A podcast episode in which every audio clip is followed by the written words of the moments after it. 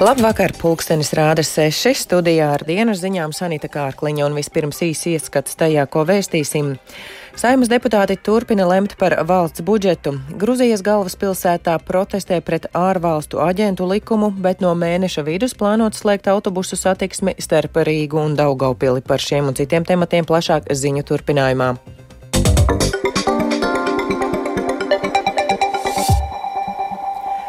Saimas deputāti ārkārtas sēdē turpina apspriest ar valsts budžetu saistītos likumprojektus. Budžetā iesniegtos priekšlikumus Saima sāka vētīt vēlu pēcpusdienā. Sēdē kopš paša rīta debatēs lielāko daļu laika aizņem opozīcijas deputāti, bet neviens no viņu priekšlikumiem atbalstu gan nav guvis. Vairāk Jāņa Kīņša sagatavotajā ierakstā. Trešdienas rītā vairāk nekā stundu ilgas debatas vajadzēja, lai no valsts budžeta pavadošo likuma projektu paketes izslēgtu grozījumus izglītības likumā. Tos nozars ministrijā veidoja kā sākumu skolu tīkla reformai. Likuma grozījumi paredzēja pārskatīt kritērijus, piemēram, par minimālo bērnu skaitu klasē. Apvienotā saraksta deputāti pagājušajā nedēļā par to iebilda, jo saskatīja vairāk nekā trešdaļas mazo skolu apdraudējumu. Šīs dienas sēdē vairāki opozīcijas deputāti pārmeta, ka kopā ar budžeta likumprojektu tādējādi bijusi vēlme skolu tīklu pārskatīšanu sākt sasteigti. Turpina progresīvo frakcijas deputāte Antoņina Ņenaševa. Tas dusmas ir, ka tiešām mēs neusticamies un mēģinam izmantot pagrīdes metodus, lai veicinātu reformas. Mēs patiešām atradīsim to drosmīgu veidu, kā optimizēt skolu tīklu, Un nebaidīsimies arī šos nepopulārus lēmumus skaidrot sabiedrībai, kāpēc tie ir vajadzīgi. Nepieciešamību rūpīgāk izskatīt skolu tīklu pārmaiņas atzina arī premjers. Savukārt izglītības un zinātnes ministra Anna Čakša no jaunās vienotības paskaidroja, ka skolu tīklu pārskatīšana plānojama ātrāk pedagoģu atalgojumu uzlabošanai. Atslēga kvalitātei ir skolotājs. Un šodien man uz galda stāv atalgojuma grafiks un atalgojuma grafika resursi slēpjas tīklā. Un mums ir jāsaprot, ka mācīt viens pret viens ir ļoti labi. Bet jūs, tie, kas esat ņēmuši saviem bērniem privātu stundu, zinat, ko tas maksā. Un tādēļ es saku, kvalitatīva, pieejama izglītība par saprātīgu cenu bērnu un jauniešu skaits ir samazinājies par 30 un pat 40 procentiem atsevišķos reģionos. Sēdes turpinājumā deputāti skatīja budžeta projektu pavadošos likumprojektus. Visus kā vienu saimas opozīcijas iesniegtos priekšlikumus parlamenta vairākums noraidīja. No šā gada 1. jūlija līdz 125 eiro augs minimālā garantētā ienākuma slieksnis un minimālā pensija personām ar invaliditāti kopš bērnības līdz 157 eiro. Šo aprēķinu veido pielīdz no 20% no vidējās ienākuma ienākumu mediānas. Opozīcijas deputāti rosināja sīkāk paskaidrot šos aprēķinus un aicināja tos dubultot.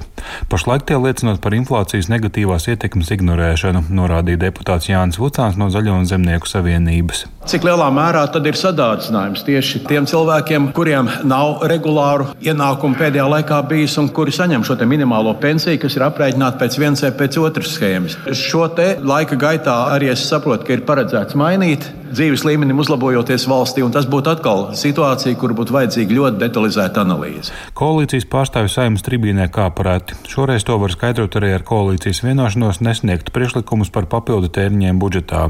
Savukārt opozīcijas plašo piedāvājumu klāstu lakoniski novērtē deputāts Edgars Putra no apvienotā saraksta. Opozīcija vienmēr ir strādājusi to, lai izdevuma sadaļa būtu lielāka. Tur tas disbalans veidojās, bet šī gadījumā šeit ir diezgan liela fiskāla ietekme, un līdz ar to arī komisija neatbalstīja. Darbu ar pašu budžeta likuma projektu deputāti sāka vēlu pēcpusdienā. Tajā iesniegto priekšlikumu realizēšanai būtu nepieciešama kopumā 2 miljardi eiro, iepriekš aplēsusi Finanšu ministrija. Jānis Kincis, Latvijas Radio. Krīze veselības aprūpes nozarē jau ir, bet vasarā varētu iestāties kas līdzīgs ārkārtas situācijai. Šim vairāku nozares sabiedrisko organizāciju paustajam brīdinājumam pievienojas arī neatliekamās medicīniskās palīdzības dienesta vadītāja Liena Cipule. Kaut gan dienestam šogad no budžeta ir paredzēts piešķirt naudu gan atalgojuma palielināšanai, gan pamatfunkciju izpildēji, gadījumā, ja finansējuma trūks citās jomās, galvenokārt ģimenes ārstiem, neatliekamās palīdzības dienests likumsakarīgi izjutīs uzņemtīs papildus slodzi. No vienas puses tātad nepieejam ģimenes ārsta pakalpojumu noteikti ceļ izsaukumu skaitu, kas nevienmēr ir neatliekams situācijas, tomēr pacientiem vajag medicīnisko palīdzību. No otras puses, ja slimnīcas nespēs pieņemt uh, noteikti skaita pacienti, kā līdz šim strādāt neatliekamās medicīnas centra uzņemšanas nodaļas. Dienestam būs jāveic karāki gabali, jāmeklē piemērotākas ārstniecības iestādes, kas noteikti paildzinās gan laiku izsaukumos, gan ietekmēs arī to, ka mūsu iespējas operatīvi reaģēt uz izsaukumiem, mūsu reaģēt spēja varētu pazemināties. Un to mēs novērojām iepriekšējā gada beigās, kad arī dienesti izziņoja ārkārtas situāciju, kas bija saistīta to starp ar nepieejamu primāro aprūpu. Jau izskanējis, ka ar pat laban budžetā ieplānoto finansējumu ārstniecības iestādes varēs pacientiem sniegt palīdzību plānotajā apjomā līdz aptuveni vasaras beigām, lielākās līdz rudenim. Patēriņa cenas šogad februārī salīdzinājumā ar janvāri Latvijā atkal pieaugušas, šoreiz par 0,6%, bet gada laikā šogad februārī salīdzinājumā ar 2022. gada februāri palielinājās par 20,3%. Mēnesi iepriekš gada inflācija bija 21,5%, tā liecina Centrālās statistikas pārvaldes dati. Tie norāda, ka būtiskākā ietekme uz cenu līmeņa izmaiņām mēnešu laikā bija pārtikai un dzērieniem, kā arī tabakas izstrādājumiem un ar atpūtu un kultūru saistītām precēm. Būtiskākais cenu pieaugums bija svaigiem dārzeņiem, tie kļuva dārgāki par gandrīz 20%, savukārt akciju ietekmē lētāks kļuva piens par 10%. Eiropas komisija iesaka no nākamā gada sākt atteikties no plaša iedzīvotāju atbalsta enerģētikas krīzes pārvarēšanai. Tāds padoms ir iekļauts šodien publicētajos fiskālās politikas ieteikumos. Šos līdzekļus drīzāk vajadzētu novirzīt investīcijām uz zaļās un digitālās pārkārtošanās nodrošināšanai. Tomēr diskusijām par to, kādam ir jābūt līdzsvaram starp taupību un ieguldījumiem, vēl turpināsies, jo marta beigās Eiropas komisija nāks klajā ar jauno noteikumu projektu šajā jomā jomā. Vairāk stāsta Eiropas komisijas priekšsēdētājas izpildvietnieks Valdis Dombrovskis. Over the last three years, EU governments have provided sizable support to households. Pēdējo trīs gadu laikā Eiropas Savienības valstu valdības ir sniegušas ievērojamu atbalstu mājsaimniecībām un uzņēmumiem, ko ietekmēja vispirms pandēmija un tad augstās enerģētikas cenas bet šis atbalsts nevar turpināties mūžīgi. Tā kā enerģētikas cenas ir samazinājušās, mums ir jāsāk pakāpeniski atteikties no visiem atbalsta mehānismiem, sākot no vispārīgākajiem. Ir pagājis laiks, kad bija vajadzīgs plašs fiskālais stimuls. Tagad ir laiks mainīt ātrumu un skatīties nākotnē. No fiskālā viedokļa mums ir jāmaina fokus. Standpoint,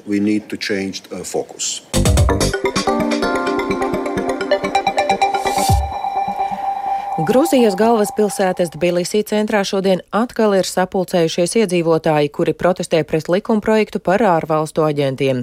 Aizvadītajā naktī pie Gruzijas parlamenta ēkas notika sadursmes starp protestētājiem un policiju. Valdošās partijas Gruzijas sapnis vadītājs protestētājus ir nodēvējis par radikāļiem un spiegiem, kuri vēloties destabilizēt valsti.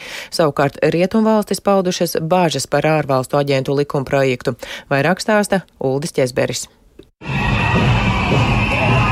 Vairāki simti cilvēku šodien pēcpusdienā sapulcējās Tbilisi Rustavelī avēnijā, kur atrodas Gruzijas parlaments. Viņi tur ieradās neraugoties uz pagājušajā naktī notikušajām sadursmēm, kuru laikā policija pielietoja asaru gāzi un ūdensmetējus pret protestētājiem. Vakara protestu laikā aizturēti vismaz 66 cilvēki.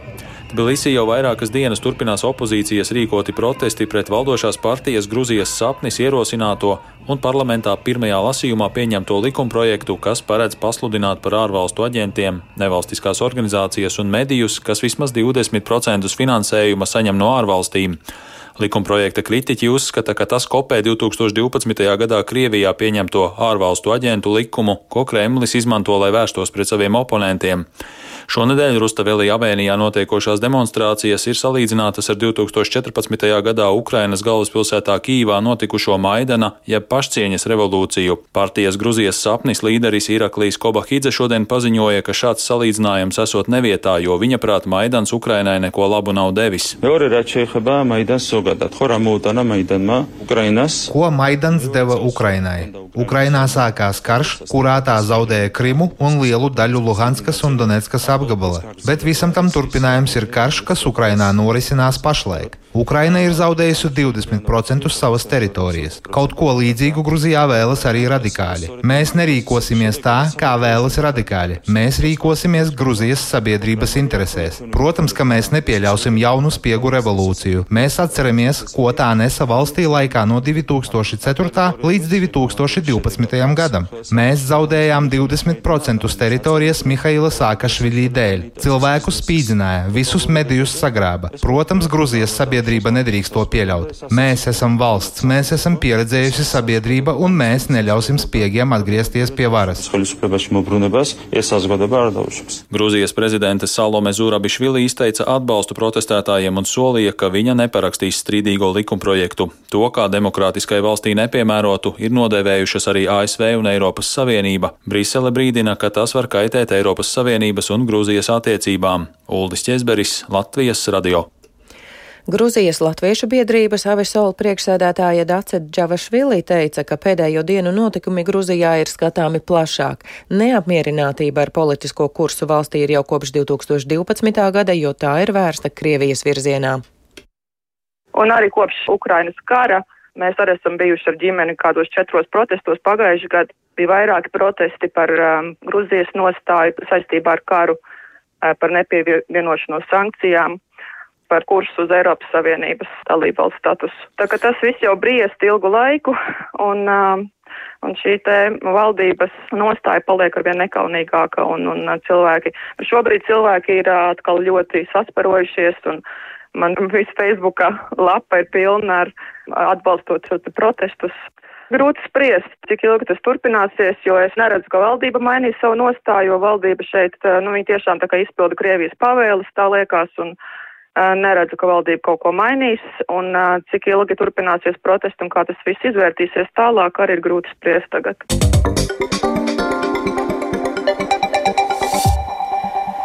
Mēneša vidus plāno slēgt komerciālo autobusu satiksmi starp Rīgu un Daugopili, tādējādi daudziem pasažieriem nāksies pārsēsties uz vilcienu. Starp abām pilsētām plānot saglabāt tikai pāris valsts dotēto reisu, taču tie būs viena nedēļas nogalē. Pēc pusotra gada ilgas pieredzes uzņēmums Daugopils autobusa parks no 16. marta satiksmi starp galvaspilsētu un Latvijas otru lielāko pilsētu ir nolēmis slēgt. Uzņēmuma komercdirektors Arķoms Venegrevičs stāsta, ka diezgan grūti konkurēt konkurēt ar pasažieru vilcienu, kas piedāvā krietni zemākas biļešu cenas. Latvijas radio aprunājās ar Daugaupiliešiem par šādu lēmumu. Nē, nu, protams, es pats pārvietojos ar mašīnu, bet jebkurā gadījumā tas ir slikti, ja starp divām lielām pilsētām nebūs autobusu reisa. Nē, nē, tā nevar. Jo tālāk, jo trakāk. mazāk un maz, mazāk. Jā. Es jau pārsvarā braucu ar vilcienu, bet, ja vajag dažreiz tieši kaut kādā laikā, tad ar autobusu jābrauc, gribi, negribi. Ja это у кого своего транспорта нет, так как так добираться? Kam nav savu transporta, kā viņiem nokļūt? Es reti braucu ar autobusu, vairāk ar vilcienu. Jau tā cilvēku maz. Jādara taču kaut kas arī priekš cilvēkiem, nevis lai tikai pašiem izdevīgi. Vismaz vienu autobusu būtu jāatstāj. Tie, kas mācās, strādā Rīgā, tie jau izmanto. Nav normāli. Nu, ir cilvēki, kas brauc, un arī ir vajadzīgi tomēr tie autobusi. Tā nedrīkst. Es neizmantoju autobusu. Es braucu, braucu ar privāto mašīnu. Bet, kā, kas vieta, Dārgopils Rīga? Jā. Nu, nav normāli. Jau kā strādā, tāpēc jau viņus taisa cietos autobusus. Maksāt negrib algas šoferiem, degviela kā rezerves daļas. Kā.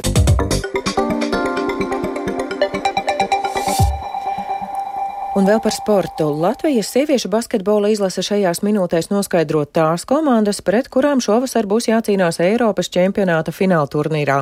Latvijas izlase startēs 9. no pēdējiem desmit Eiropas čempionātiem, vienīgo turnīru izlaižot 2021. gadā. Par iespējamajiem scenārijiem grupa turnīra izlozē stāsta Māris Bergs. Eiropas čempionāta fināla turnīrā basketbolā sievietēm startēs 16 valsts vienības, kas sadalītas četros grozos, katrā pa četrām komandām. Latvija nonākusi pēdējā ceturtajā grozā kopā ar Ungāriju, Vāciju un Izrēlu. Grozi veidoti pēc FIBA astoņu gadu ranga. Ar šīm trim komandām nonākt vienā grupā mūsējās nevar. Izlozē Latvija saņems pa vienai komandai no pirmā, otrā un trešā groza, un arī noskaidros, kur tad būs jāspēlē. Iespējas ir divas - Slovēnija vai Izrēla, tieši šīm valstīm šovasar uzņemot fināla turnīru. Grupa turnīra izlozē iespējams sekot līdzi FIBA oficiālajā YouTube kanālā, savukārt fināla turnīrs no 15. līdz 25. jūnijam notiks Izrēlā un Slovenijā. Ar to izskan dienas ziņas sešos vakarā. Producents Viktors Pupiks ierakstus montēja Renārs Šteimanis, pie skaņu pults Kārlis Rašmanis, bet studijā Sanita Kārkliņa un vēlreiz īsumā par dienā svarīgāko. Saimas deputāti turpina lemt par valsts budžetu. Grūzijas galvaspilsētā protestē pret ārvalstu aģentu likumu, bet no mēneša vidus plānots slēgt komerciālo autobusu satiksmi starp Rīgu un Daugaupili. Yeah. Šobrīd Rīgā 0 grādu rietumu vēju brāzmās jau 18 m2, gaisa mitrums 66%, atmosfēras spiediens 740 mm. Diena gan galvaspilsētā, gan Latvijā bija samērā apmākusies vējaina, bet kāds laiks mūs sagaida turpmāk, stāsta Toms Bricis. Vēl nākamnakt daudziet īpaši vidzemē un kurzemē turpināsies putenis, rīt nokrišņi mitēsies, temperatūra lielākoties dažus grādus zem nulles, piekrastē ap nulli. Piektdienas nakts būs jūtami augstāka, agrā rītā temperatūra minus 5, minus 10 grādi vietām, kur debesis ilgāk būs skaidrs ar lielāku iespējamību vidzemē līdz minus 15, minus 19 grādiem. Dienā debesis apmāksies, valsts centrālajā un austrumdaļā sniks. Brīvdienās atkal stiprs vējš, daudz nokrišņu, taču sestdien Latgalē un vidzemes austrumos temperatūra īslaicīgi pakāpsies virs nulles un gaidāms lietus, ko gan itin drīz nomainīs putenis, un arī nākamnedēļ daudz nokrišņu, bet arvien biežāk līs, temperatūra kāps uz augšu.